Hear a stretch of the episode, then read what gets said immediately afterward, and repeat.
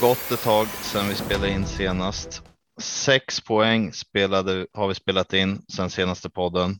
Jag sa att 12 poäng var godkänt. Du Andreas har 15 poäng.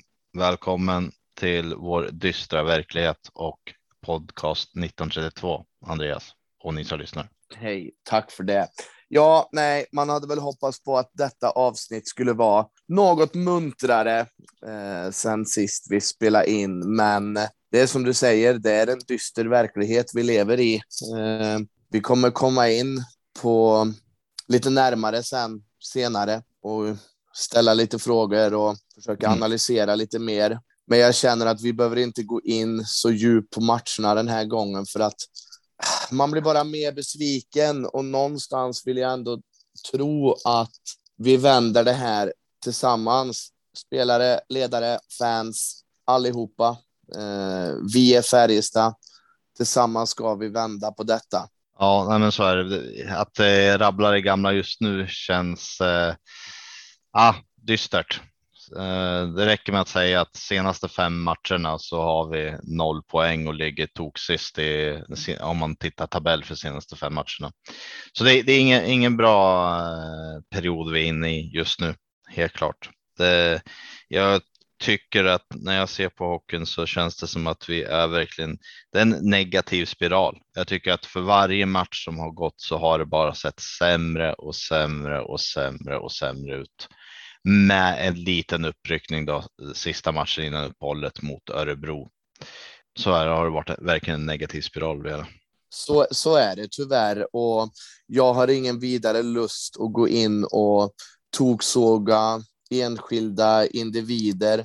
Eh, det vi kommer diskutera lite längre fram i podden är ju pennans vara eller icke vara. Eh, det är väl det som är mest aktuellt just mm. nu. Ja, men exakt. Um, och vi kommer, jag, vi kommer kolla lite på statistik.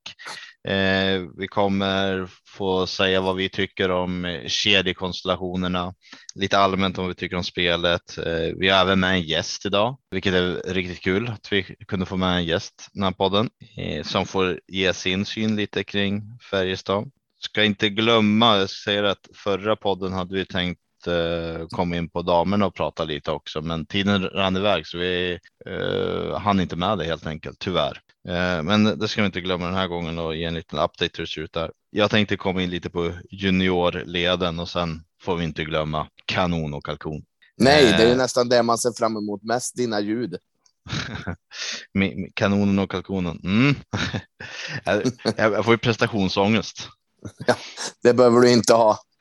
Men eh, om kring, kring matcherna och alla de här förlusterna så måste jag ändå ta upp en grej och det var ju att jag var ju faktiskt på plats lördag när vi mötte Frölunda och jag hade, var ju närmast på Timrå-bettet så jag såg ju fram emot den där goda ölen av dig.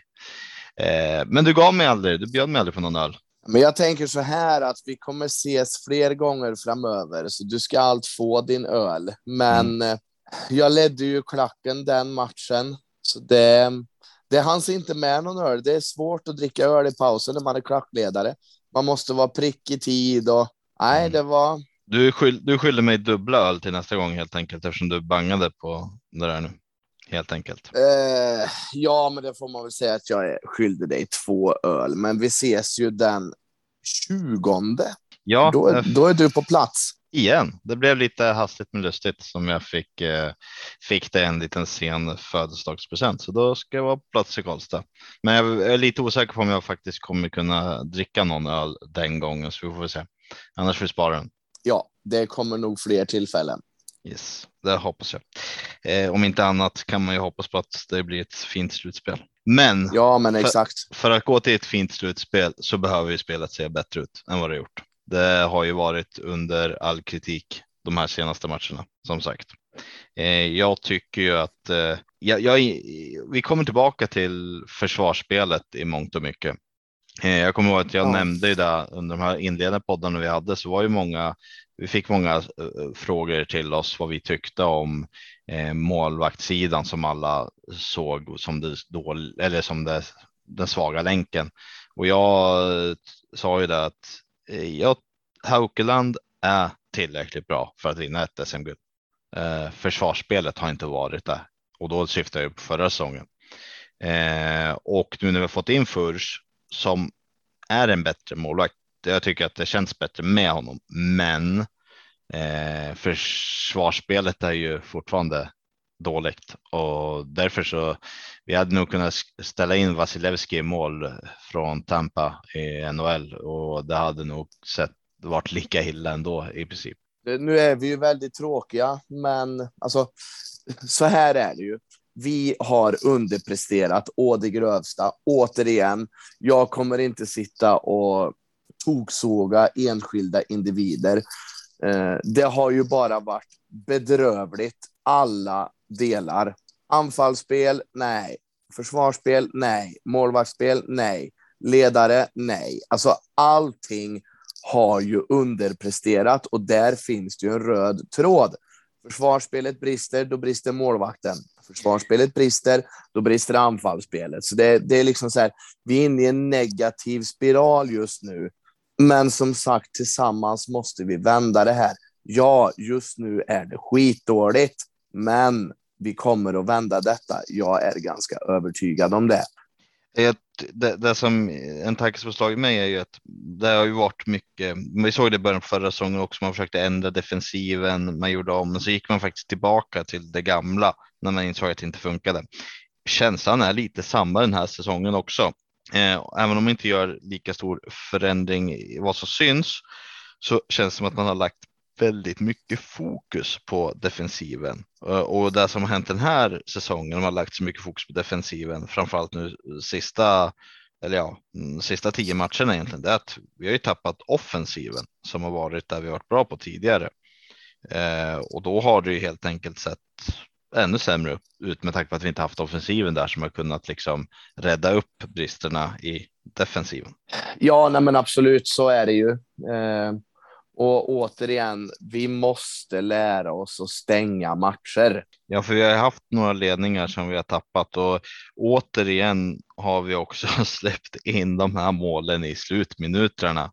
Det är, jag tjatade om det förra gången och det, alltså det, det fortsätter hända. Jag, det är så irriterande och Eh, finns det någon där ute som kan ta fram eh, fin statistik på det så får ni jättegärna göra det och det är hur framförallt de sista två minuterna på matcherna skulle jag vilja se hur vi står oss kontra andra lag när det gäller att tappa in pucken i slutet. För det känslan är att det händer alldeles för ofta jämfört med andra lag. Ja, så är det ju, men eh, om man ska summera de matcherna som har varit nu lite snabbt, det är ju betyget generellt, det är ju det är ju katastrof egentligen, men det finns bara en väg och det är uppåt. Och det gäller att Färjestad hittar den vägen nu. Mm. Jag reflekterar lite grejer också. Det är så här, eh, man brukar prata, eller det har ju varit mycket prat kring pennan och så vidare och då eh, har det varit lite prat om eh, ledarskapet bra etc. Eh, och där kan jag tycka också att jag tror att ledarskapet är bra, men det som inte har varit bra riktigt är kanske eh, delvis coachningen eller strategin, taktiken som vi har. Där behöver vi liksom hitta, eh, eller vi, laget, hitta eh, förändringar i spelet. Ja. Så ledarskapet i sig behöver inte vara fel, men däremot spel, strategi, speltaktiken, liksom. det kan vara det. Det känns bland annat också som att eh, Pennan, han är en han är ju en modern ledare som lägger ut ansvaret mycket på både sin assisterande men även på spelartruppen i sig. Eh, det klassiska som kan finnas inom vanliga arbetsliv också, frihet under ansvar som blir. Eh, och lite så kan det kännas som att eh, spelarna har till viss mån att man har frihet under ansvar i må många sätt att hur man rör sig där ute på isen.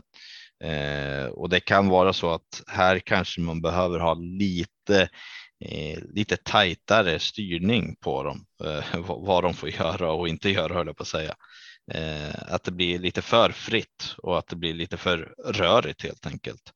Eh, vi har ju stora problem kan jag tycka med att komma liksom i kontrollerade ingångar in i anfallszonen. Eh, alldeles för ofta som vi bara skjuter ner pucken, alltså dumpar för ofta, kommer Alltså vi, vi åker nästan, eller väldigt sällan in med pucken och får vi kommer återigen på det som var förra avsnittet, att vi kommer liksom inte att få fast pucken i anfallszonen. Tack vare att vi många gånger så lägger den och så blir en 50-50 puck och eh, om ens 50-50, men motståndaren får tag i och så vänder de och då kommer de med spelet istället. Vi får liksom aldrig de här anfallsspelen då. Nej, men så är det ju och eh, det, det, det är ju lite så här också. Ehm, Leksands tränare sa det i början på säsongen. Eh, mina bästa spelare ska inte vara lika bra som motståndarlagets fjärde kedja. Eh, de har alldeles för bra betalt för det. Eh, någonstans där kan jag faktiskt hålla med honom i det han säger. För det är alldeles för många av våra bäst betalda spelare som underpresterar just nu och det är grövsta. Ja, så är det. Men eh, det, vi hoppas på en vändning, så är det ju. Vi är supportrar, vi ger aldrig upp. Nej, det så är det. Mm, om du, där du är inne på, om våra bästa spelare. Eh, jag, jag reagerar på någonting man, i lite intervjuer och så vidare. Det är egentligen det här att eh, må, många, många spelarna och ledarna, de tror ju fortfarande på laget, vilket jag också gör. Men det, det jag tänker när jag hör kom, eller kommentarer och intervjuer och så vidare, när de säger att eh, ja, men vi är ett, bra lag, vi kommer vända det här. Eh, och jag har ju varit inne på det här tidigare att eh, det är ett bra lag, men hur pass bra är verkligen laget? Eh, har man bildat en liten falsk trygghet att man tänker att ja, men vi är ett bra lag, det kommer, var vi jobbar hårt så kommer det vända. Men hur pass bra är laget egentligen? Vi har en massa spelare som sagt från Eh, som inte platsade i KL och NLA och så vidare. Och, alltså, det är inte så stjärnspäckat kan jag tycka som eh, många vill få det att vara ibland. Eh, och så kanske laget också känner att vi är ett bra lag och tror att man kanske har det stark, absolut starkaste pappret och därmed bildar den här falska tryggheten. Det är jag lite lite rädd för, för så klockrena favoriter var vi inte på förhand om man räknar till experterna, utan som sagt, vi, det har varit någonstans runt fjärde platsen som många experter satt oss inför säsongen. Eh, ja, nej men absolut. Eh, och jag menar, Malmö har värvat bra, Frölunda går som tåget. Eh, det kommer bli sjukt tajt om topp sex. Jag hoppas ju att vi verkligen kommer vara topp sex när vi summerar den här säsongen, eller grundserien. Men om inte tåget vänder snart så kommer det bli tufft att ta sig in i den topp 6 som det ser ut just nu.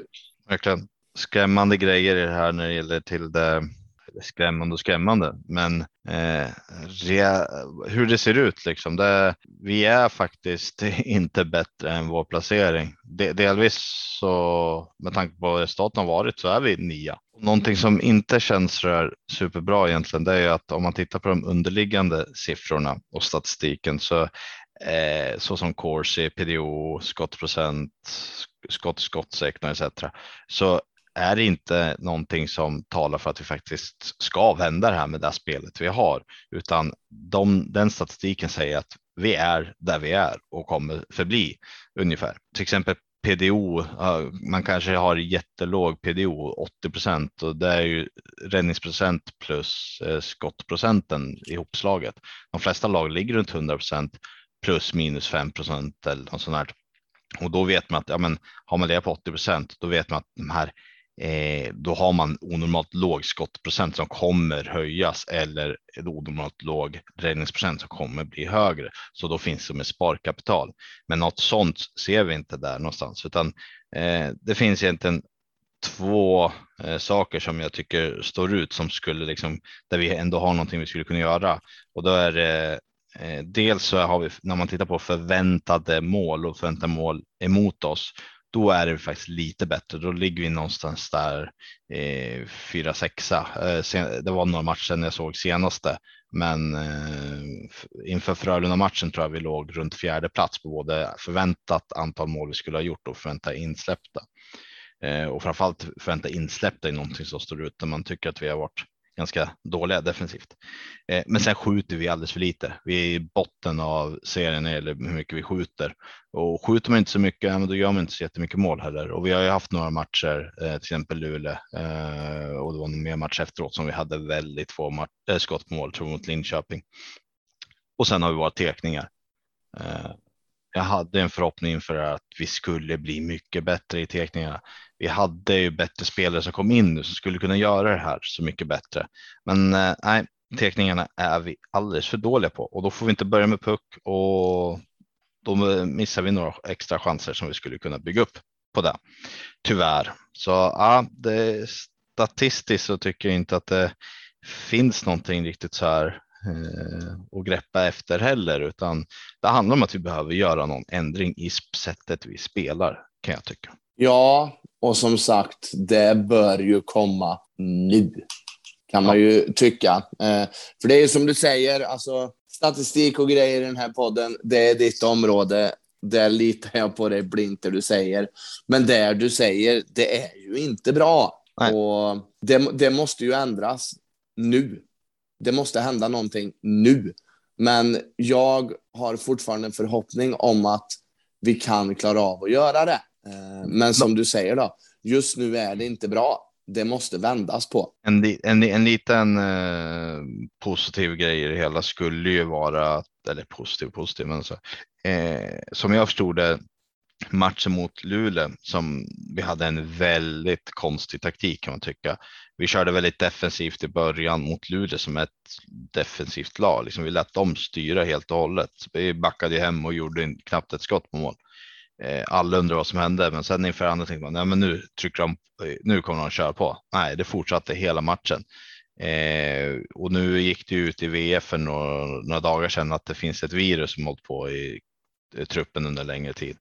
Eh, och som jag förstår det så var det en anledning till att man körde den där taktiken var för att eh, det var sletna kroppar rent eh, på grund av viruset.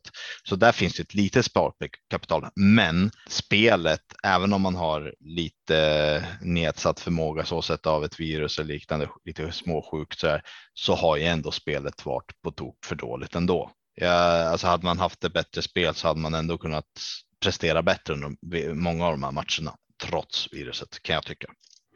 Ja, men absolut. Så, så, det, så alltså... det, är inte, det, är inte, så att tar man bort viruset så, så, så kommer allt se bra ut. Så enkelt är det inte. Nej, men självklart. Och eh, jag kan någonstans också, också tycka att det är rätt svagt att gå ut och skylla på ett virus. Är du med och spelar ska du kunna ge 100 procent.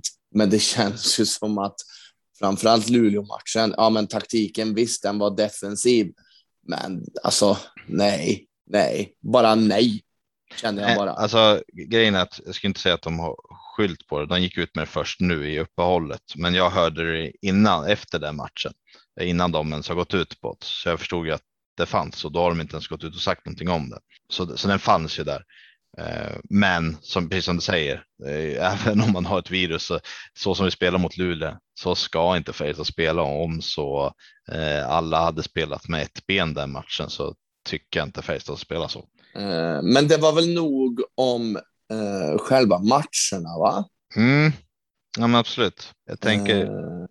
vi, får, vi hoppar vidare och då tänker jag att vi hoppar vidare till en punkt som heter rykteshörnan. Ja, eh, vill, vill du börja där Adam? Ja, eh, har ju faktiskt inget direkt rykte eh, mer än att eh, på tränarsidan så är det många som vill ha bort eh, pennan och att det finns ju ett gäng tränare där ute som har fått gå senaste tiden och då är det ju eh, Mittell och eh, Colliton eh, som mm.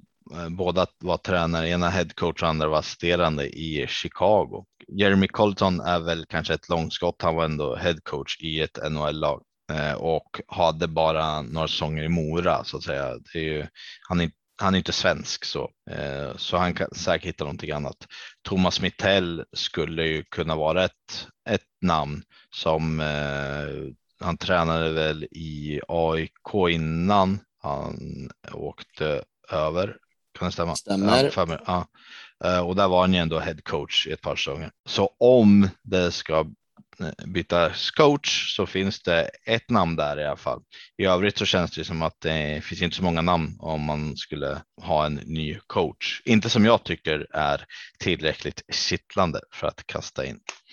Men eh, sen har jag faktiskt två nyheter också eh, som inte är rykten utan nyheter och det är ju faktiskt eh, eh, VF Sporten då, eh, som har avslöjat och som är positiva nyheter och det är ju att Färjestad faktiskt har gjort klart med två stycken storlöften. Ena är ett norskt storlöfte som heter Elias Straume Vatne eh, som har valt Färjestad inför, ja det är väl inför eh, gymnasiet, eh, gymnasieintagningen där. Och det ska ju vara en stor, stor talang i norsk hockey. Eh, så det är jätteroligt och spännande och så vidare att det finns en, det blir spännande att se hur, hur det blir. Vi har ju vår Martin Jonsson som är ett stort löfte som har kommit fram och ändå gjort det helt okej nu de här få matcherna han har gjort. Eh, sen har ju Färjestad även gjort klart med en stockholmare och stockholmare som kommer över till eh, Färjestad har ju ändå varit rätt lyckade om vi kollar på Joakim Nygård till exempel. Och den här eh, killen heter ju då Joakim Engholm och han vann ju poängligan i TV-pucken och det är ju spännande. Ja, absolut. Eh, för jag menar, om man ska bara ta juniorsidan snabbt, alltså vårt J20-lag, ja, vad håller de på med? Liksom, det är ju, de, de ligger sist, alltså de åker runt och förlorar. Visst, nu vann de mot eh, Växjö sist här nu då, men så det är, det är ju jättepositivt att unga spelare väljer att gå till oss. Eh, för så som våra J20-lag presterar, det är ju Mm. Där kan man snacka kris, där kan man verkligen snacka ja. dunderkatastrof. Ja, för vi har pratat lite off är och jag har pratat med många andra också. Eh, och om många varit oroliga för spelet som A-laget har, så utan att ha sett någonting, tyvärr, så skulle jag säga att jag är mer orolig för Färjestad när det gäller juniorsidan och hur J20 går kontra hur A-laget går. Där är jag, ja. jag är mycket mer orolig för den biten om man säger så. Ja, tyvärr är jag helt enig. Men alltså J18, nej. J20, nej men det ger jag inte ett skvatt för, för de är så genomusla så det är skrämmande. Du, du, uh, du som är på plats då i Karlstad, eh, finns det några anledningar? Eller har vi för dåliga spelare eller är det spelidén eller vart går det fel? Har du någon tanke? Alltså, det, det, alltså ska vi snacka sparka tränare, då kan vi börja snacka J20. Eh, jag tycker inte att någon av dem håller för fem öre. För de ska träna spelare till att bli SHL-spelare, i, alltså toppspelare i SHL. Ja, det är tråkigt. Vi har ändå haft ett gäng eh, duktiga juniorspelare som har kommit upp senaste tiden, men eh, nu verkar det som att det är en sämre årgång eller vad det nu kan bero på. Ja, alltså om det, det där om det bara är, är tränaren rakt av. Liksom. Alltså det där är jättesvårt att säga.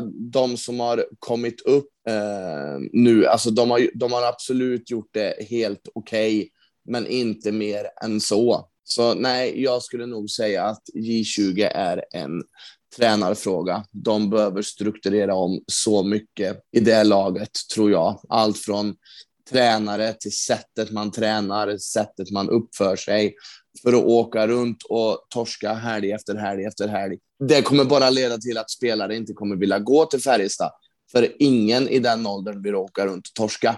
Nej, så är det. Men någonting roligare då, eller roligare, det har varit lite, en liten plump där också, men damerna. Ja, eh. eh, dam, damerna går ju som förväntat. Eh, det, det, är ju, det är ju Sandviken som är deras största konkurrent i den här serien och eh, de förlorar ju mot dem på bortaplan. 3-1 till Sandviken. Ja, men nej, damerna går som förväntat. Mm. Det gäller ju att hamna där topp två och det finns väl ingen som säger att vi inte ska hamna där. Sen vi är ju lite osäkra exakt hur det blir med om man får någon typ av sidning om man kommer etta så i så fall skulle det ju vara viktigt att komma etta och sen vill man ju såklart. Man vill ju vinna allt som går. Så ja, det, vinner man över Sandviken eh, nästa gång man möts så ska det nog kunna gå vägen och komma etta, helt klart. Eh, kan, absolut. Och det ska nog kunna bli när de väl spelar på hemmaplan och alla Karlstadbor kommer och heja på. Såklart. Ja, det har ju spelats två hemmamatcher och man hade den. Man vann ju mot Västerås med 12-1 var det den matchen du var där? Det var hemma premiären. Ja. Och då var det ändå tre, drygt 300 eh, i publiken. Så det var ju kul. Eh, ja, men det är men, jätteroligt. Med, fler går det att vara. Ja, men självklart. Men om man bara ska snacka lite eh, tränare där också, eh, så har ju damerna fått sig ett väldigt, en väldig uppsving i, i Holös. Eh, där snackar vi ju klass på tränarsidan. Någon som brinner för det. Någon som är bra på det, på det den gör. Om man ska jämföra med våra ungdomar. Ja, ska vi hoppa vidare till eh, lite kedjekonstellationer? Ja, det är väl också Nej. lite mer ditt område. Ja, Nej, men jag har ju suttit och tänkt här och funderat. I, I grund och botten tror jag inte att det bara räcker med att eh, justera kedjorna, utan eh, det är ju något eh, spelmässigt som behöver justeras.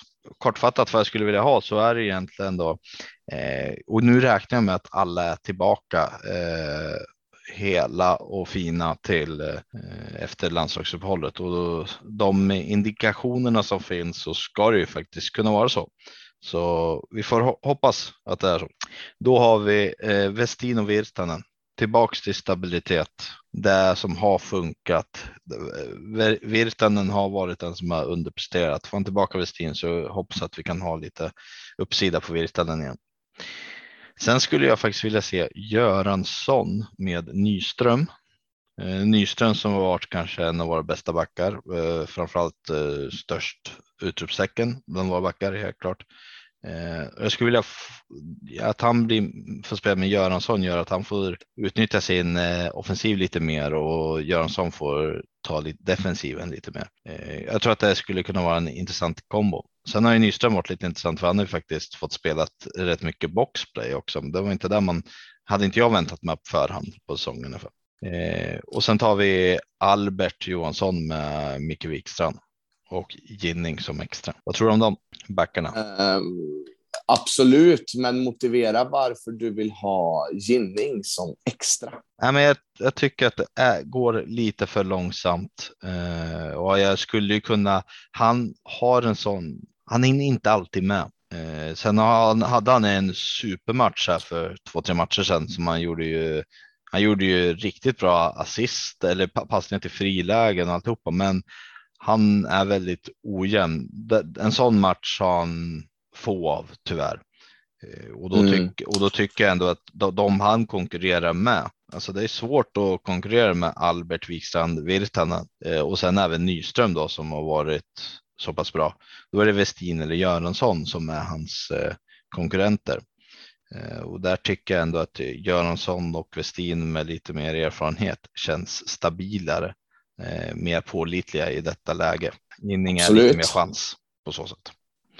Så så motiverar jag den. Mm. På forwardsidan, då kastar jag om en hel del faktiskt. Eh, jag har mina tankar kring det. Det första jag tänker det är att jag placerar Joakim Nygård med Linus Johansson och Oskar Lavner. Mm. Och där, där tänker jag, alltså Nygård och Linus, det har ju varit våra, två av våra bästa spelare uh, på forwardsidan i alla fall. Och, Absolut, men du, du tror alltså att Lavner eh, kommer tillbaka från Bofors efter uppehållet? ja, för just det, det glömde vi nämna där, men han har ju faktiskt blivit utlånad till Karlskoga igen. Eh, men ja, jag tror faktiskt det. Vi har alldeles för tunn trupp. Vi har bara sju backar, 13 forwards på, på våran eh, A-lagstrupp. Det är mm. Det är en eh, så, så tunn trupp brukar Färjestad inte ha, så vi får se hur lång tid det tar innan det kommer någon värvning på någon av platserna. Men jag tror, jag tror faktiskt han får komma tillbaka. Nu har han ju, han hade jättebra när han kom tillbaka och sen har han sakta men säkert dippat, men samtidigt har ju hela laget varit sämre, så det är svårt att tycka att det är han som har dippat, utan det är laget som har dippat. Eh, men Nygård har ju förmågan att oavsett i vilken kedja han spelar så höjer han den kedjan. Jag kommer aldrig glömma när han placerade CM på pappret fjärde kedja tillsammans med Kristoffer eh, Törngren och Linus Persson och helt plötsligt var det första kedjan och var nästan bäst i SHL under några matcher. Eh, ja. Nygård har en sån. Jag tror att tillsammans med kanske Lavner kan ta ytterligare ett steg samtidigt som Linus har varit bra. Alltså det kan vara en riktigt fin kedja, men en anledning till att Lavner placeras där också är lite för. Jag tänker på helheten med de andra eh, konstellationerna som jag kommer ner till också. Eh, och då är det Ejdsell med Viksten. Eh, förra årets kombos funkar så bra. Skulle jag vilja ha tillbaka och testa. Färjestad var på väg att placera dem tillsammans och sen blev Ejdsell skadad. Då. Men där som center så placerar jag faktiskt Martin Johansson. Mm. Och, där har, mm. och där har Martin har faktiskt inte varit så bra. Jag tycker han har varit eh, väldigt eh, osynlig och sen har han ju varit skadad nu sista biten också. Men återigen, jag tror att det här kan vara ett sätt för honom att bli bättre om Ejdsell och Viksten kan hitta det flyt de hade förra så tror jag att Martin kommer kunna höjas lite. Eh, och jag tänker på hur det, hur det såg ut förra året när det var Jakob Petersson som var där mittemellan som ändå var lite offensiv och Ejdsell fick ändå vara lite mer defensiv och hittade fina mackor till Viksten. Jag tänker mig att det kan bli någon liknande eh, konstellation här. Och det finns även en möjlighet för Ejdsell och Martin att switcha av vem som ska centra också. Och sen eh, nästa kedja, då är det Lillis, Rydal, Linkan. Den där succékedjan för ett par år sedan.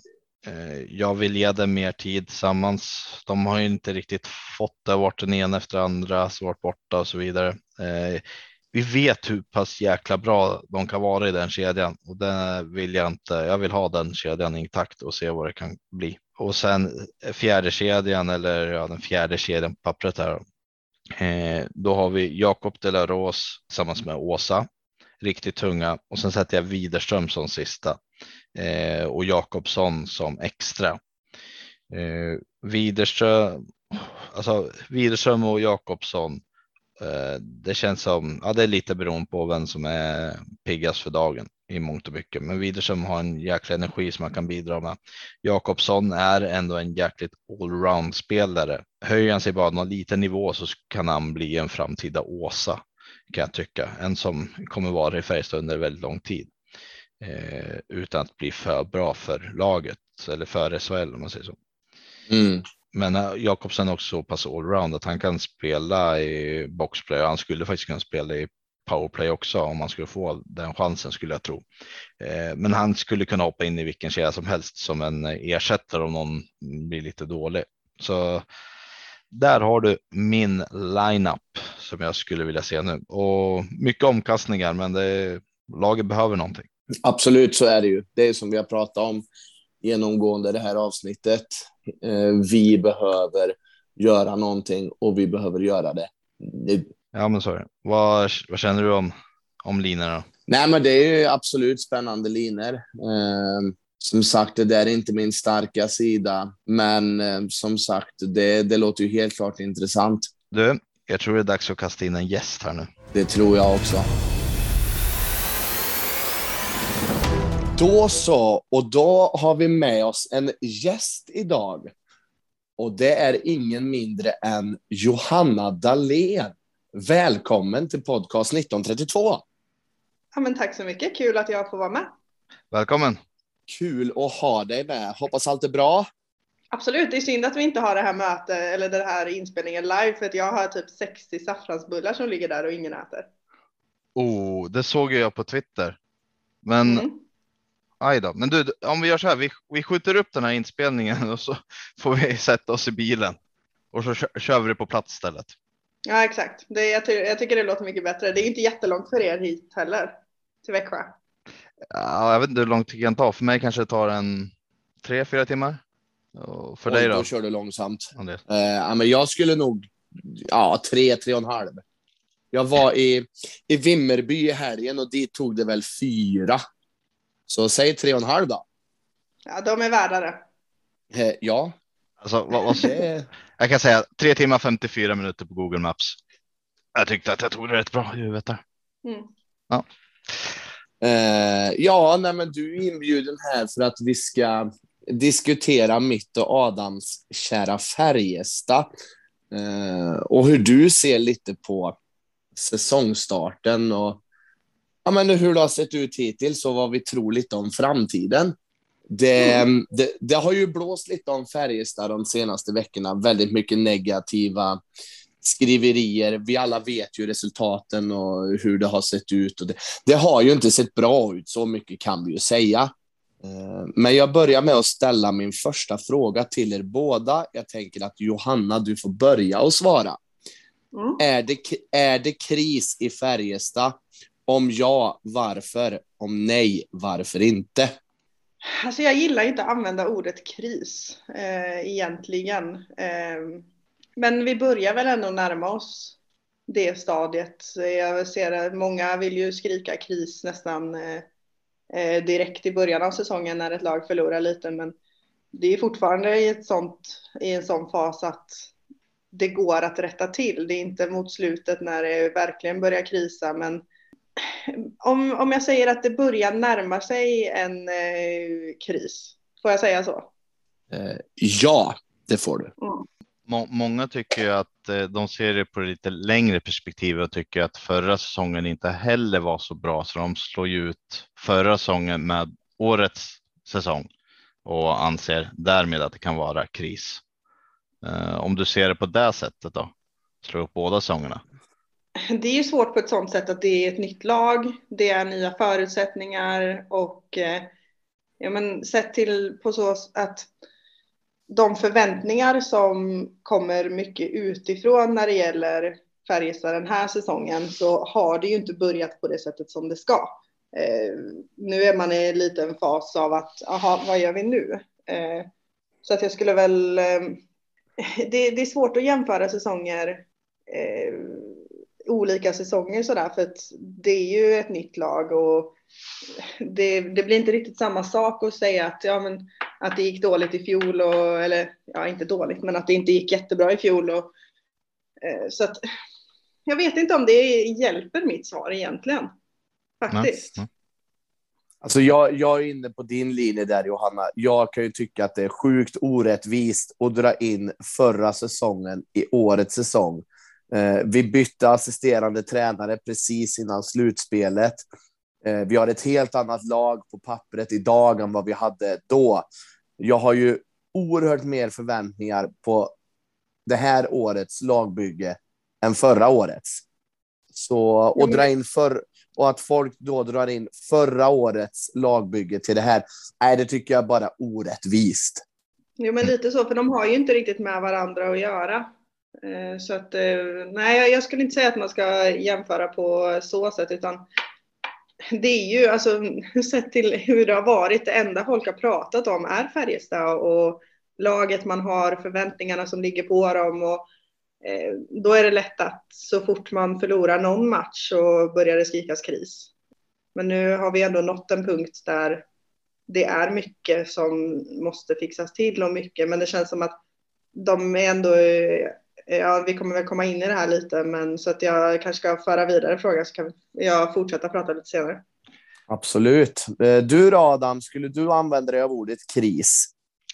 Nej, jag delar väl lite. Jag gjorde en snabb googling nu medan eh, du tog upp frågan där, så då är det lite till att börja med så om man går in på krisinformation.se så börjar man säga att ordet kris betyder olika saker för olika människor. Så den är väl ganska talande att eh, definitionen av vad är en kris.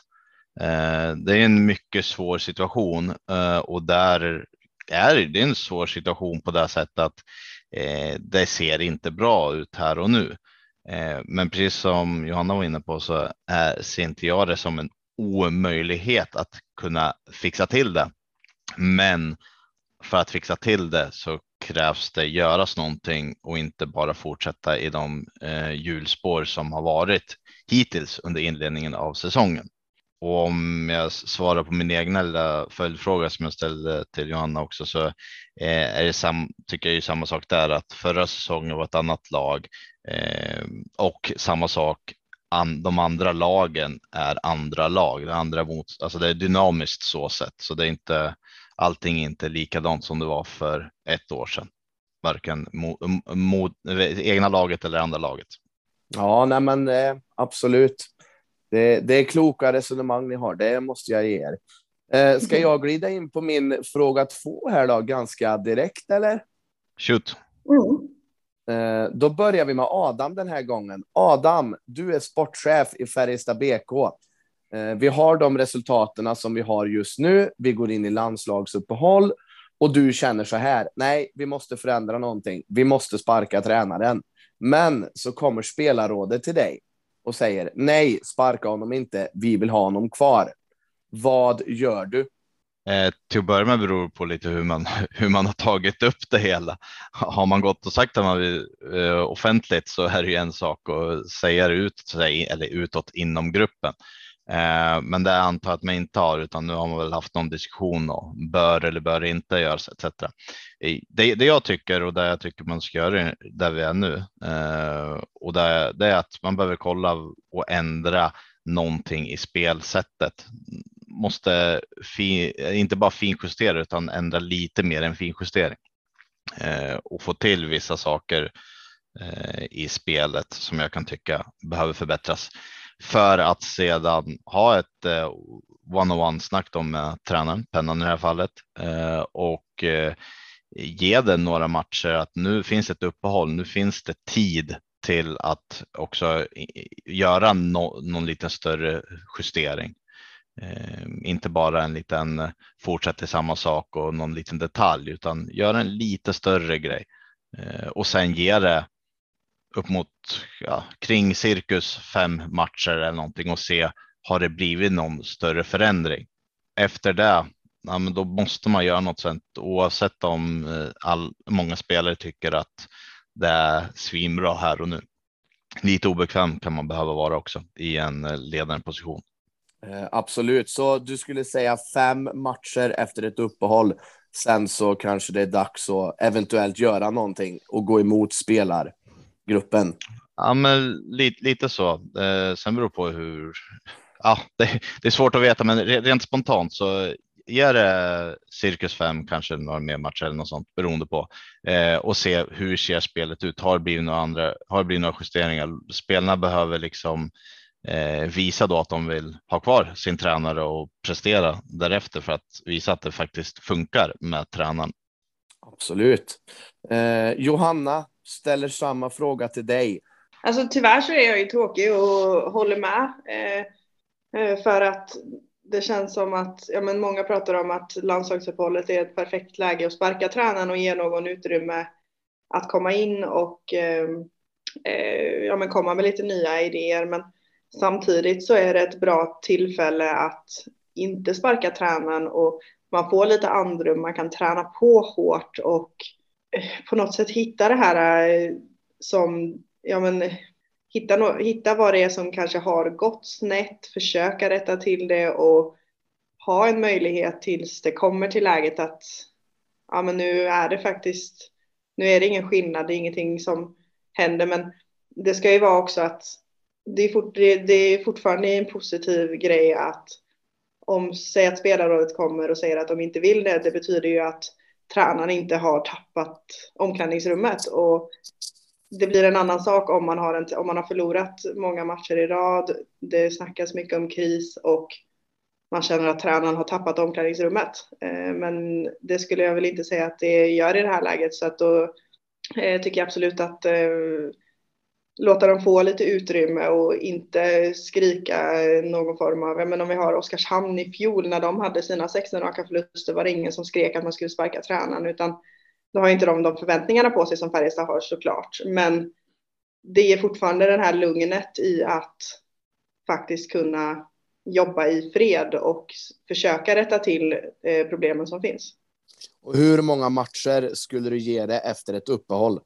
Det är nästan omöjligt att svara på. Eh, det beror på lite eh, vad man har för mots, eh, ja, men, eh, vad man har för motståndare och vad, ja, men hur, det har, eh, hur det har sett ut och hur, ja, men hur spelschemat är och allt möjligt. Så det är väldigt svårt att svara på men i alla fall tillräckligt med tid för att få se att det faktiskt har eh, blivit någon form av skillnad.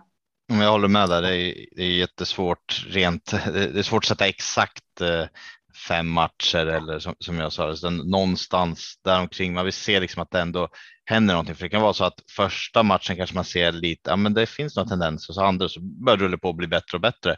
Eller så kanske det börjar jättebra så blir det lite sämre och sämre.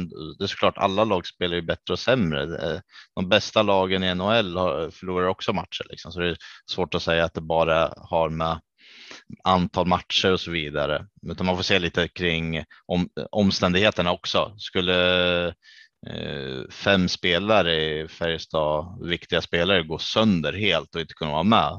Det är ju också en, en, en påverkan så, som behöver vägas in om det skulle ske så till exempel. Absolut. Fan vad tråkiga ni är som håller med varandra. ja, du vill ju ja, få lite diskussion. ja, absolut. Det är så när man har rätt. Ja, eller hur? Men ehm, då ska vi köra en grej till då. Eh, jag har kollat upp här nu lite snabbt vad som finns på marknaden eh, i tränarväg. Jag kommer läsa upp de namnen plus Penneborns namn och den ni tycker ska träna Färjestad, eh, det namnet säger ni. Är ni med på vad jag menar? Mm. Peter Andersson, Johan Penneborn. Johan Penneborn. Ja, jag håller med. Thomas Mittell, nyss sparkad assisterande från Chicago Blackhawks, eller Johan Penneborn. Eh, Om det är här och nu, alltså då, då är jag inne på den, eh, det som jag la ut förut, att jag tycker att pennan ska fortsätta då. Men eh, det, om vi kommer till de här 10, 5-10 matcherna etc. och det inte ser bättre ut så Mittell. Ja, det är lite Och svårt Johanna? att svara på. Men ja, det är lite svårt. Man får ju faktiskt svårt när jag vill säga exakt samma sak. Eh, men i nuläget så uh, Penneborn. Okej. Per-Erik Perra Jonsson, Johan Penneborn. Penneborn. Penneborn. Penneborn. Yes. Eh, Fredrik Söderström, Johan Penneborn. S Penneborn. säger Penneborn också. Ni båda sa Penneborn. Ja. Okej. Eh, Johanna, den här är riktad till dig. Ulf Dahlén, Johan Penneborn.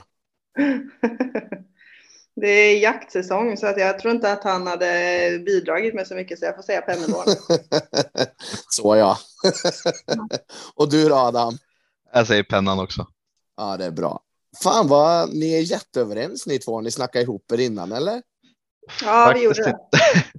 Ja, jo. ja, nej, men det är precis som Johanna sa, när man, när man har rätt så blir det svårt. Uh, kan inte bara tycka annorlunda bara för att. Nej, men Nej. exakt. Jag tycker, att man, jag tycker att man gör rätt i att fortsätta ha förtroende för, eh, för Penneborn. För att, som jag var inne på, det känns inte som att han har tappat omklädningsrummet och det känns som att alla är medvetna om vad som, ja men att det måste fixas till och det är ett perfekt läge nu att faktiskt, ja men eh, kunna jobba på de delar som man känner att man behöver. Och att byta tränare är ett, där pratar vi om, vi pratar om kris, det är ett krisdrag så att säga och eh, jag tycker inte att det brukar vara något bra resultat, varken i hockeyn eller i verkliga arbetslivet om en eh, ledare, chef blir, får sparken. Eh, det, blir, det blir väldigt oroligt eh, i mångt och mycket. Det blir det. det blir, gruppen ska liksom på något sätt formas om då. Sen kan det bli bättre, men det är en jäkla chansning också. Mm. Och det är lätt att skrika, sparka, det är lätt att bara sparka tränaren och förvänta sig att allting ska rättas till. Men det här är ju faktiskt någonting som behöver rättas till på isen. Eh, ja, nej men så är det ju. Eh, och nu, spelarna har väl mer eller mindre gått ut i lokal media och sagt att vi vill ha Penneborn kvar. Och då är det ju upp till dem att då får ju vi visa då att vi vill ha honom kvar. För någonstans är ju ändå hockey en resultatbaserad bransch och du kan ju inte sparka ett helt lag. Så det är ju tränaren som till slut ryker om resultaten inte kommer. Så nu, nu är det ju upp till spelarna på isen att visa att vi vill ha, vi vill ha Penneborn kvar. Mm. Hur tycker du Johanna då, sett i Färjestad under de här inledande vad är det, 16-17 hur många matcher det har spelats nu? Hur har det du sett spelet sett ut och vad är din analys? Ja, bra fråga. Nu har jag ju sett eh, inte alla matcher utan varit runt på väldigt mycket olika eh, lag som har spelat. Men från det jag har eh, kopplat så är det väl mycket att man ser ju att det finns mycket kvaliteter men det läcker lite defensivt. Det, det blev ju lite, ja alltså, jag tycker det är svårt att ge en bra analys på det när jag har sett kanske två, tre matcher av Färjestad den här säsongen. Eh, så att jag är väl inte den som kan skrika ut och en av de matcherna var liksom deras seriepremiär här nere mot Växjö. Ehm, så att jag känner väl att jag kanske inte kan sitta och analysera spelet på det sättet som jag kanske hade velat. Jag har inte sett de här senaste, jag har nog inte sett någon av de här senaste förlusterna som har varit. Så att just när det gäller det så tror jag nog att det är bättre att eh, låta er få svara lite mer för den delen. Då får du ta den då, Andreas. Ja, alltså till att börja med, du ska nog bara vara väldigt, väldigt glad att du inte har sett de senaste matcherna med Färjestad, bortsett Örebro kan jag tycka. För det var ändå, någonstans fanns det ändå en kämpaglöd och vilja att vinna. Eh, till den matchen och eh, en annan incident kommer jag återkomma lite senare i podden och uttrycka mina känslor om det. Men vi kan ju ta Djurgårdsmatchen. Vi leder med 3-1. Det är 13 minuter kvar och vi klappar ihop fullständigt och torskar. Eh, det är ju oacceptabelt. Linköping-matchen, alltså det var... Ja, men det, det, var, alltså det var så horribelt dåligt. På två perioder skjuter vi nio skott på hemmaplan. Liksom. Det blir ju ofta lite så här att när man känner den där pressen och man vet om allt det så håller man lite extra hårt i klubban. Man vill inte göra fel och då kan det ändå vara en positiv sak i att det fanns den här kämparglöden i sista matchen nu inför uppehållet. Att de ändå har, eh, ja men, att det fortfarande finns kvar, att det inte bara är den här jättepressen. Utan att man Nej, kan vända det, och vända det till något positivt. Ja men absolut och eh, jag lyssnade ju på VF-podden idag och där sa ju Ejdsell också att Örebro-matchen är ju en match de ändå får ta med sig för där fanns det ju ändå någonting att ta av. Alltså det fanns positiva bitar. Det gjorde det ju inte. Alltså visst, Djurgårdsmatchen var helt okej okay i en och en halv period, men när det raset kommer så glömmer man bort det som är bra för att det som var så dåligt tar över. Och Linköpingsmatchen, det var ju inte alls mycket som var bra. Så det, det, det Örebro-matchen är ändå någonting som de sa, det här tar vi med oss, det här ska vi ändå bygga vidare på. För det fanns en kämpaglöd och de ville någonting. Sen är det ju ett lag i motgång och då, då torskar man ju till slut. Ja, Nej, då, då, det, jag, jag tyckte inte Djurgårdsmatchen var bra heller egentligen. Eh, sett i spelet även innan heller, utan vi hade lite flyt och fick in lite mål, så jag tyckte både den och Linköping, det var ju riktiga, tyvärr, dåliga matcher så och det känns som en ond spiral smalt på. Men Johanna, eh, du har ju bra koll i, i övrigt, så jag tänker vilket lag är det som du håller som bäst just nu då, eller de som eh, ett eller två lag som står ut positivt? Då? Jag skulle väl absolut säga eh, eh Rögle. Eh, tycker jag att ja, men det är, jag tycker att det är roligt att se när Rögle spelar hockey. De spelar en väldigt rolig hockey och eh, nu förlorade de väl senast, men eh, eh, där tycker jag verkligen att det har eh, sett bra ut och vi pratade om det. Jag tror vi, ja, vi hade det som en av frågorna i panelen idag också i våran eh, hockeypanel om underskattar eller pratar vi för lite om Växjö även den här säsongen och jag är lite inne på det att Växjö är verkligen ett lag som de finns kvar där i varenda match nästan. Eh, och spelare man pratar med i motståndarlagen är irriterade för dem är liksom att ja, de, kan, de är knappt där men helt plötsligt så har de tagit poäng och eh, det har sett bra ut för Växjö. Nu vann de senast mot Leksand och Ja, nej, jag tror att Växjö kommer absolut vara ett av lagen när vi sammanfattar säsongen som kommer ligga där uppe i toppen. Eh, så att eh, om jag får välja två lag så är det nog de två. Ja, men eh, om jag får ställa en sista fråga till er båda då. Eh, kommer Färjestad hamna mm. topp sex den här säsongen? Ja. Alltså jag har lite, jag har lite svårt att se vilket lag som ska vilket lag, ja, men om man kollar på tabellen nu där det är Frölunda, Rögle, Leksand, Växjö, Skellefteå, Örebro. Och så har vi Luleå också som har växlat upp lite. Jag har lite svårt att se vems plats de ska ta där uppe i topp 6. Eh, faktiskt. Jag, jag, tror vi kommer ha svårt att komma före Frölunda och Rögle så som det har sett ut. Eh, men jag tror Leksand, Växjö, Skellefteå, Örebro, Oskarshamn, Luleå. Det finns möjligheter att komma före. Eh, nu i dagsläget behöver vi komma före tre av dem. Mm. Jag, jag, jag, jag, tror nog det, det är ingen omöjlighet. Det är trots allt bara 17 matcher som spelades. Så, nej, jag, tror nog någon av de där kommer eller några kommer dippa och så där. Och vi har, vi har vår topp kvar. Vi har gjort vår dipp nu. Nu ska det vända. Ja, alltså ska man se det så då, hellre att dippen kommer nu än i januari, februari. Men om, alltså jag om kollar på dip. tabellen just. Ja, precis. Om det är en dipp, om det inte, ja, då får vi verkligen hoppas att det är en dipp. Färjestad just nu är 21 poäng bakom Frölunda med två matcher mindre spelade. Så säg 15 poäng bakom då serieledaren. Eh, en första plats är ju bara att glömma bort liksom. Ja, nej, det tror jag inte, utan nej, nej, jag tror ju att det är någonstans runt eh, femma, sexa som vi kan nå. Det, där någonstans jag tror. Ja, ja, nej, det, det är svårt. Eh, det är jättesvårt. Alltså, när man tittar på de här topp sex lagen just nu. Det, det är ju jättebra hockeylag och ska vi slå oss in där så är det nog dags att börja vinna direkt efter uppehållet.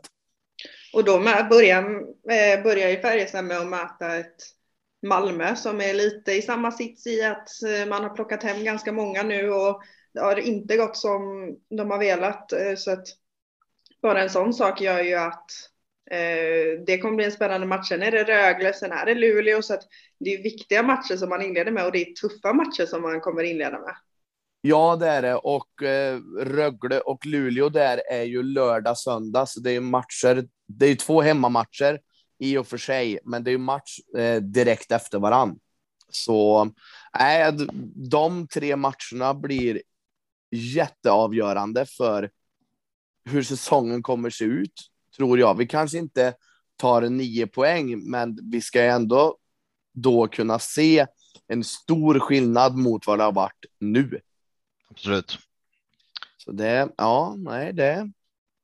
Det är inte roligt att vara Färjestad supporter just nu. Samtidigt är det lite spännande också för att se om om de klarar att vända på det här tillsammans eller om det faktiskt behövs en förändring. Jag har ju hela tiden varit team, eh, team Penneborn. Är det fortfarande? Men fortsätter det? Ja, det är en resultatbaserad bransch. Då måste man tyvärr göra någonting.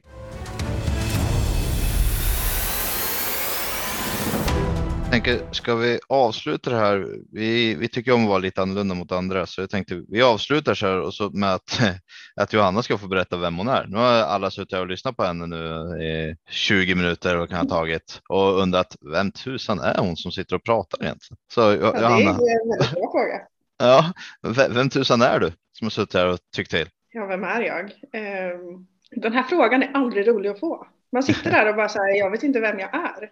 Men eh, jag är Eh, ja, eh, nej, men jag är en sportjournalist som eh, jobbar på Expressen för det mesta. Och ja, kommer från en jättehockeyfamilj så att jag är uppväxt i en ishall kan man verkligen säga. Och så kände jag när jag var när jag skulle söka högskola så kände jag att det enda jag kunde tänka mig att jobba med var sport. Och sen så hamnade jag här. Idrottsvetare. Exakt. Det är jag till och med, så att jag vet allt om ja. ni undrar. Ja, exakt. Kan allt om idrott. Ja, exakt. Det är väl det det betyder. Ja. Nej, så att jag, okay. ja, det är väl egentligen vem jag är.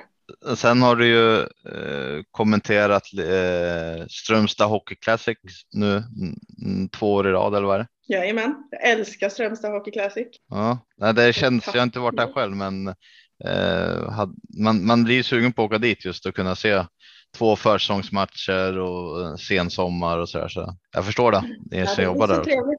Ja, det är så trevligt att vara där och god mat och alla är ändå på bra humör. Eh, det har ju fortfarande det... inte hänt någonting på försäsongen så att alla är trevliga och på glatt humör. Ja, Färjestad har ju haft som en kick-off där tidigare år, i alla fall innan pandemin, vet du, med hela, mm. he, hela organisationen så att säga. Jo men exakt. Eh, så att nej, de, eh, de tycker att det är väldigt trevligt där och god mat och ja, nej, det, det rekommenderar jag er att åka på om ni eh, skulle få för att åka på en försäsongsturnering. Vem är din favoritspelare i Färjestad då? Oj, vilken svår fråga. Här ställer vi bara jag svåra frågor. Jag har nog ingen favoritspelare i. Eh, jag, jag tyckte hon sa Joakim Nygård. Ja, vi sa hon det? Ja, vi sa hon det. Ja, jag, jag Är det tyckte också tycker det. att jag ska ha som favoritspelare? Vad sa du för något? Vad sa du nu? Jag sa, är det han ni tycker att jag ska ha som favoritspelare? Jag tänkte att du, har Linus tyckt, Johansson. du har tyckt så Jag bra försöker innan, tänka, jag, har tänkte inte jag. gjort så mycket, jag har inte gjort så mycket Färjestad-intervjuer. Jag försöker tänka på om det är någon jag eh, har intervjuat som är trevlig. Men eh, jag har nog inte gjort så mycket Färjestad-intervjuer. Eh, så- jag, jag lämnar det, jag lämnar det Ja. osagt. Ja, ja, Ja, hon sa Joakim Nygård. Ja, jag tror det. Ehm, ja, och nu måste jag ändå passa på att fråga dig. Hur nära var egentligen Jonathan en övergång till Färjestad? Ja, han, eh, det var väl en av de sista, det var ju mycket intresse där och eh, det var väl en av de sista klubbarna som var kvar. Men det var, ja, ska man, det var väl tre, fyra klubbar som var eh, kvar där mot slutet och eh, så att inte jättenära, men eh, en av de intressanta. Ja, nej, men jag måste ändå säga det att jag tycker det är väldigt vackert att han visar det klubbhjärtat och ändå väljer att stanna kvar i Timrå och ta upp dem. Ja, han har ett väldigt, väldigt klubbhjärta för, eh, för Timrå. De betyder eh, extremt mycket för honom. Eh, Så det var Ja, ju det nej, var men fint det- de kunde gå upp nu. Ja, nej, men det, han har ju verkligen visat också att han har ett stort klubbhjärta. Jag menar, det fanns inte en klubb i hela SHL som inte ville ha honom. Eh, han skulle ju bara kunna vraka och välja egentligen, men ändå väljer han att stanna kvar. Och med facit i hand så var ju inte det så dumt. Jag menar, han är ju ändå ordinarie i sitt NHL-lag nu och, och producerar poäng, så det går att ta den vägen också. Det är mycket, mm, när man är i en sån kritisk ålder så är det viktigt med speltid och att då spelar det egentligen ingen roll för att ja, det är skillnad på Hockeyallsvenskan och SHL men i Hockeyallsvenskan får man nästan spela ut lite mer än i SHL där det är lite mer uppstyrt och det är en, alltså Hockeyallsvenskan är en väldigt bra liga. Eh, som, ehm, så att för jag, nej, det, jag har ju sett på nära håll att det funkar att vara i den ligan. Eh, så att eh, det är kul att se nu när det faktiskt går bra där på andra sidan Atlanten. Han gjorde ju det näst största man kunde göra genom att stanna kvar i den klubben. Det största hade varit om man gick till Färjestad. Ju nä- jag var nära, ja, jag var ju nära och tänkte plocka upp honom flera gånger när man åkte förbi Sundsvall och Timrå där när jag bilade upp till Skellefteå och, tillba- och tillbaka. Så, men nej, fick in, det gick Han inte. nappade inte. Nej. Nej, men så kan det vara. Ja, men, eh, vad säger ni? Ska vi runda av Ja, det här? jag tycker det var jätteroligt att du ville vara med Johanna. Men kul att jag fick vara med. Hoppas att jag sa någonting klokt i alla fall. Du sa mycket klokt. Du, sa du tyckte ju som jag, då är det bland det klokaste man kan eh, säga och vara, höll jag på att säga. Ja, och du sa ju att du var idrottsvetare och vet allting om idrott, så vi, vi litar blint på dig här då. Ja, men exakt. Det låter väldigt bra. Ja, det tycker jag. Nej, men, eh, stort tack att du ville vara med. Jättekul att ha dig med. Kul att jag fick vara med. Det blir fika Så- nästa gång. Då. Ja, Nästa det gång räknar med. fika, Det är bra. så, så får du ha det så bra. Ja, men detsamma. Hej då. Hej, hej! Det var trevligt att ha med Johanna Dahlén här i podden. Ja, men absolut. Eh, kul att ha med någon utifrån och få höra eh, hennes åsikter om Färjestad och eh, intressanta åsikter om Penneborn, även Mm. om ni delade mång- mångt och mycket så Ja, men hon hon är en smart, smart kvinna, helt klart. Det hörde vi. absolut. eh, så jag kanske kan kalla mig idrottsvetare snart jag också. Då. Med tanke på att vi delar så pass mycket med eh, åsikterna. Men jag tänkte på en sak. Det var ju det här. Eh, jag har ju tänkt på det. Man har väl hört lite och läst lite och då är det egentligen det här med att eh, sparka tränare och så finns det folk som klagar på att eh, Eh, Peter, jo, eh, Peter Jakobsson och eh, spelarna och allihopa säger att de har förtroende för pennan. Eh, och så här är det ju att eh, oavsett om de har förtroende eller inte, nu tror jag att de har det, men oavsett om de hade haft det eller inte så är det inte någon någon gång som kommer gå ut och säga nej, vi har inte förtroende innan de har sparkat eller gjort sig av med någon. Eh, så folk som klagar på att de säger att man har förtroende, det är ju en, en, en kon, konstig grej kan jag tycka. Eh, det är klart som tusen att de inte kan säga nej, vi har inget förtroende för honom, men han är kvar tills vidare. Mm, mm. Nej, det, nej, men det är svåra tider. Eh, nu har de ju ändå sagt att vi ska. Vi ska gå på Penneborn och då får man ju göra det. Då måste man ju tro på det här hela vägen ut fram till dess att den dagen. Nej, nu går det inte mer. Så är det. Eh, man kan helt enkelt inte gå ut och säga någonting annat så. Men eh, är det dags för kanonkalkon då eller? Nu är det dags för kanon och kalkon. Yes, vi börjar med kanonen. Eh, jag låter dig ta kanonen. Jag få börja med kanonen? Vad trevligt. Yeah. Eh, men då skulle jag säga våran hemmastå. Jag tycker jag var ju på plats en av matcherna och då var jag del av det. Eh, men jag tycker att resten som jag sett på, eh, på tv så tycker jag, jag åh, jag tycker synd om alla er på hemmastå och även övriga publiken för det har varit ändå bra tryck kan jag tycka. Eh, och man har kämpat på. Det gör så ont i hjärtat när när, när Färjestad ändå har spelat så pass dåligt och det har gått så dåligt man tappat och så hör man ändå hur ja, klacken fortsätter sjunga liksom, fortsätter stötta liksom. Eh, det är inte så att man börjar bua och vissla, vissla och tycka att skrika saker etc. Fast man kanske innerst inne skulle vilja göra det. Men jag tycker att Hemmastå har kämpat på riktigt bra hela tiden, sjungit hela matcherna igenom. Så det är bara synd att resultatet inte har blivit bättre för det, det hem, Hemmastå är värda ett bättre resultat än vad det har varit tycker jag. Så ta åt dig Andreas, du är en del av det. Ja, tack för det Adam, tack för det. uh, ja, nej men jag har väl uh, något liknande. Det är väl hemmapubliken generellt som fortsätter att gå på Färjestad och det är sjukt viktigt att vi fortsätter att gå på hemmamatcherna eh, och stöttar dem även när det går tungt. Så är det. det och då, så...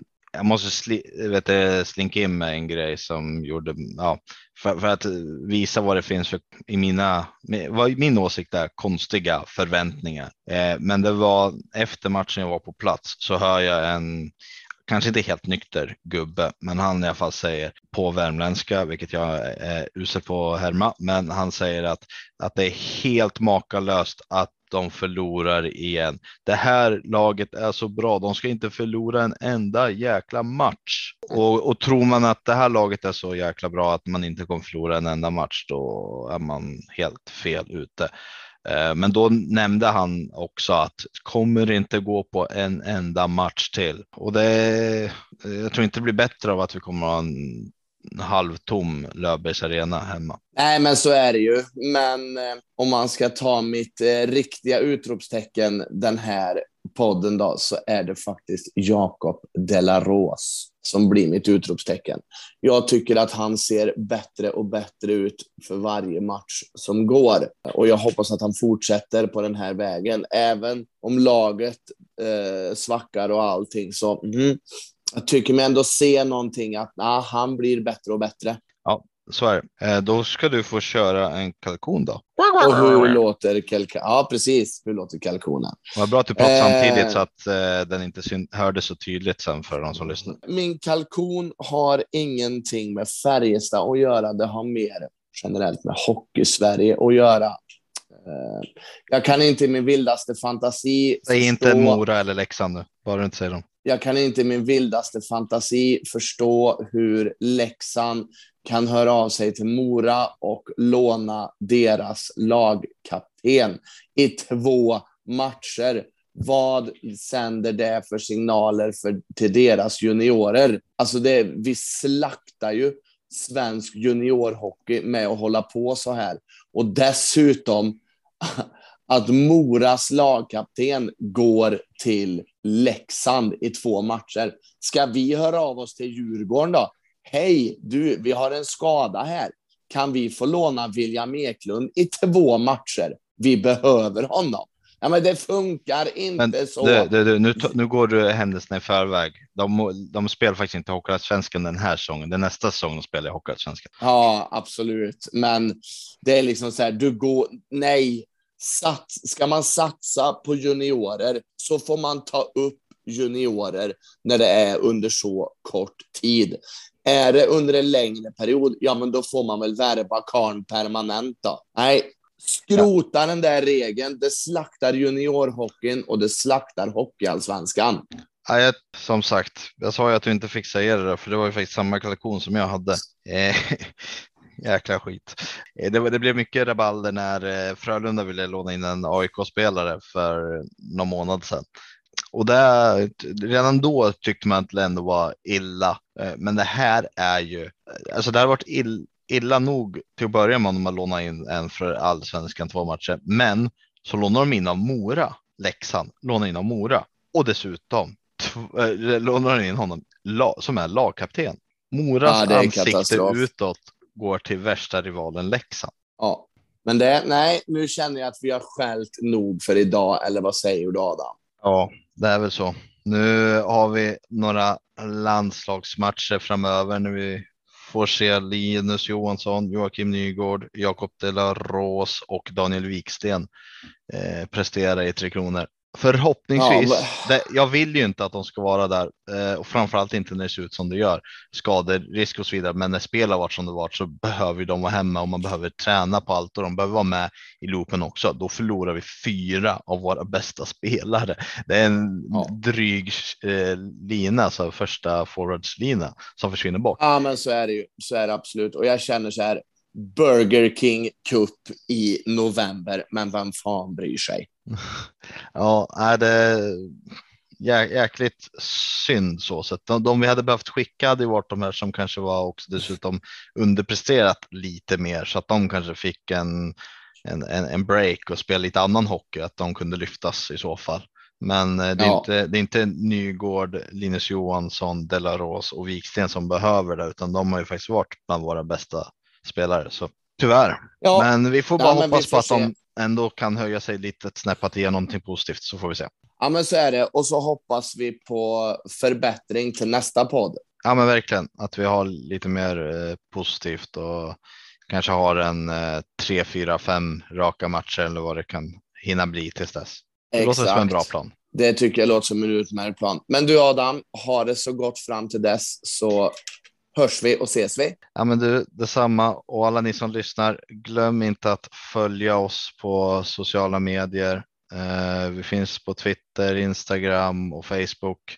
Då missar ni inte nästa avsnitt som kommer om cirkus tre veckor och det betyder jättemycket.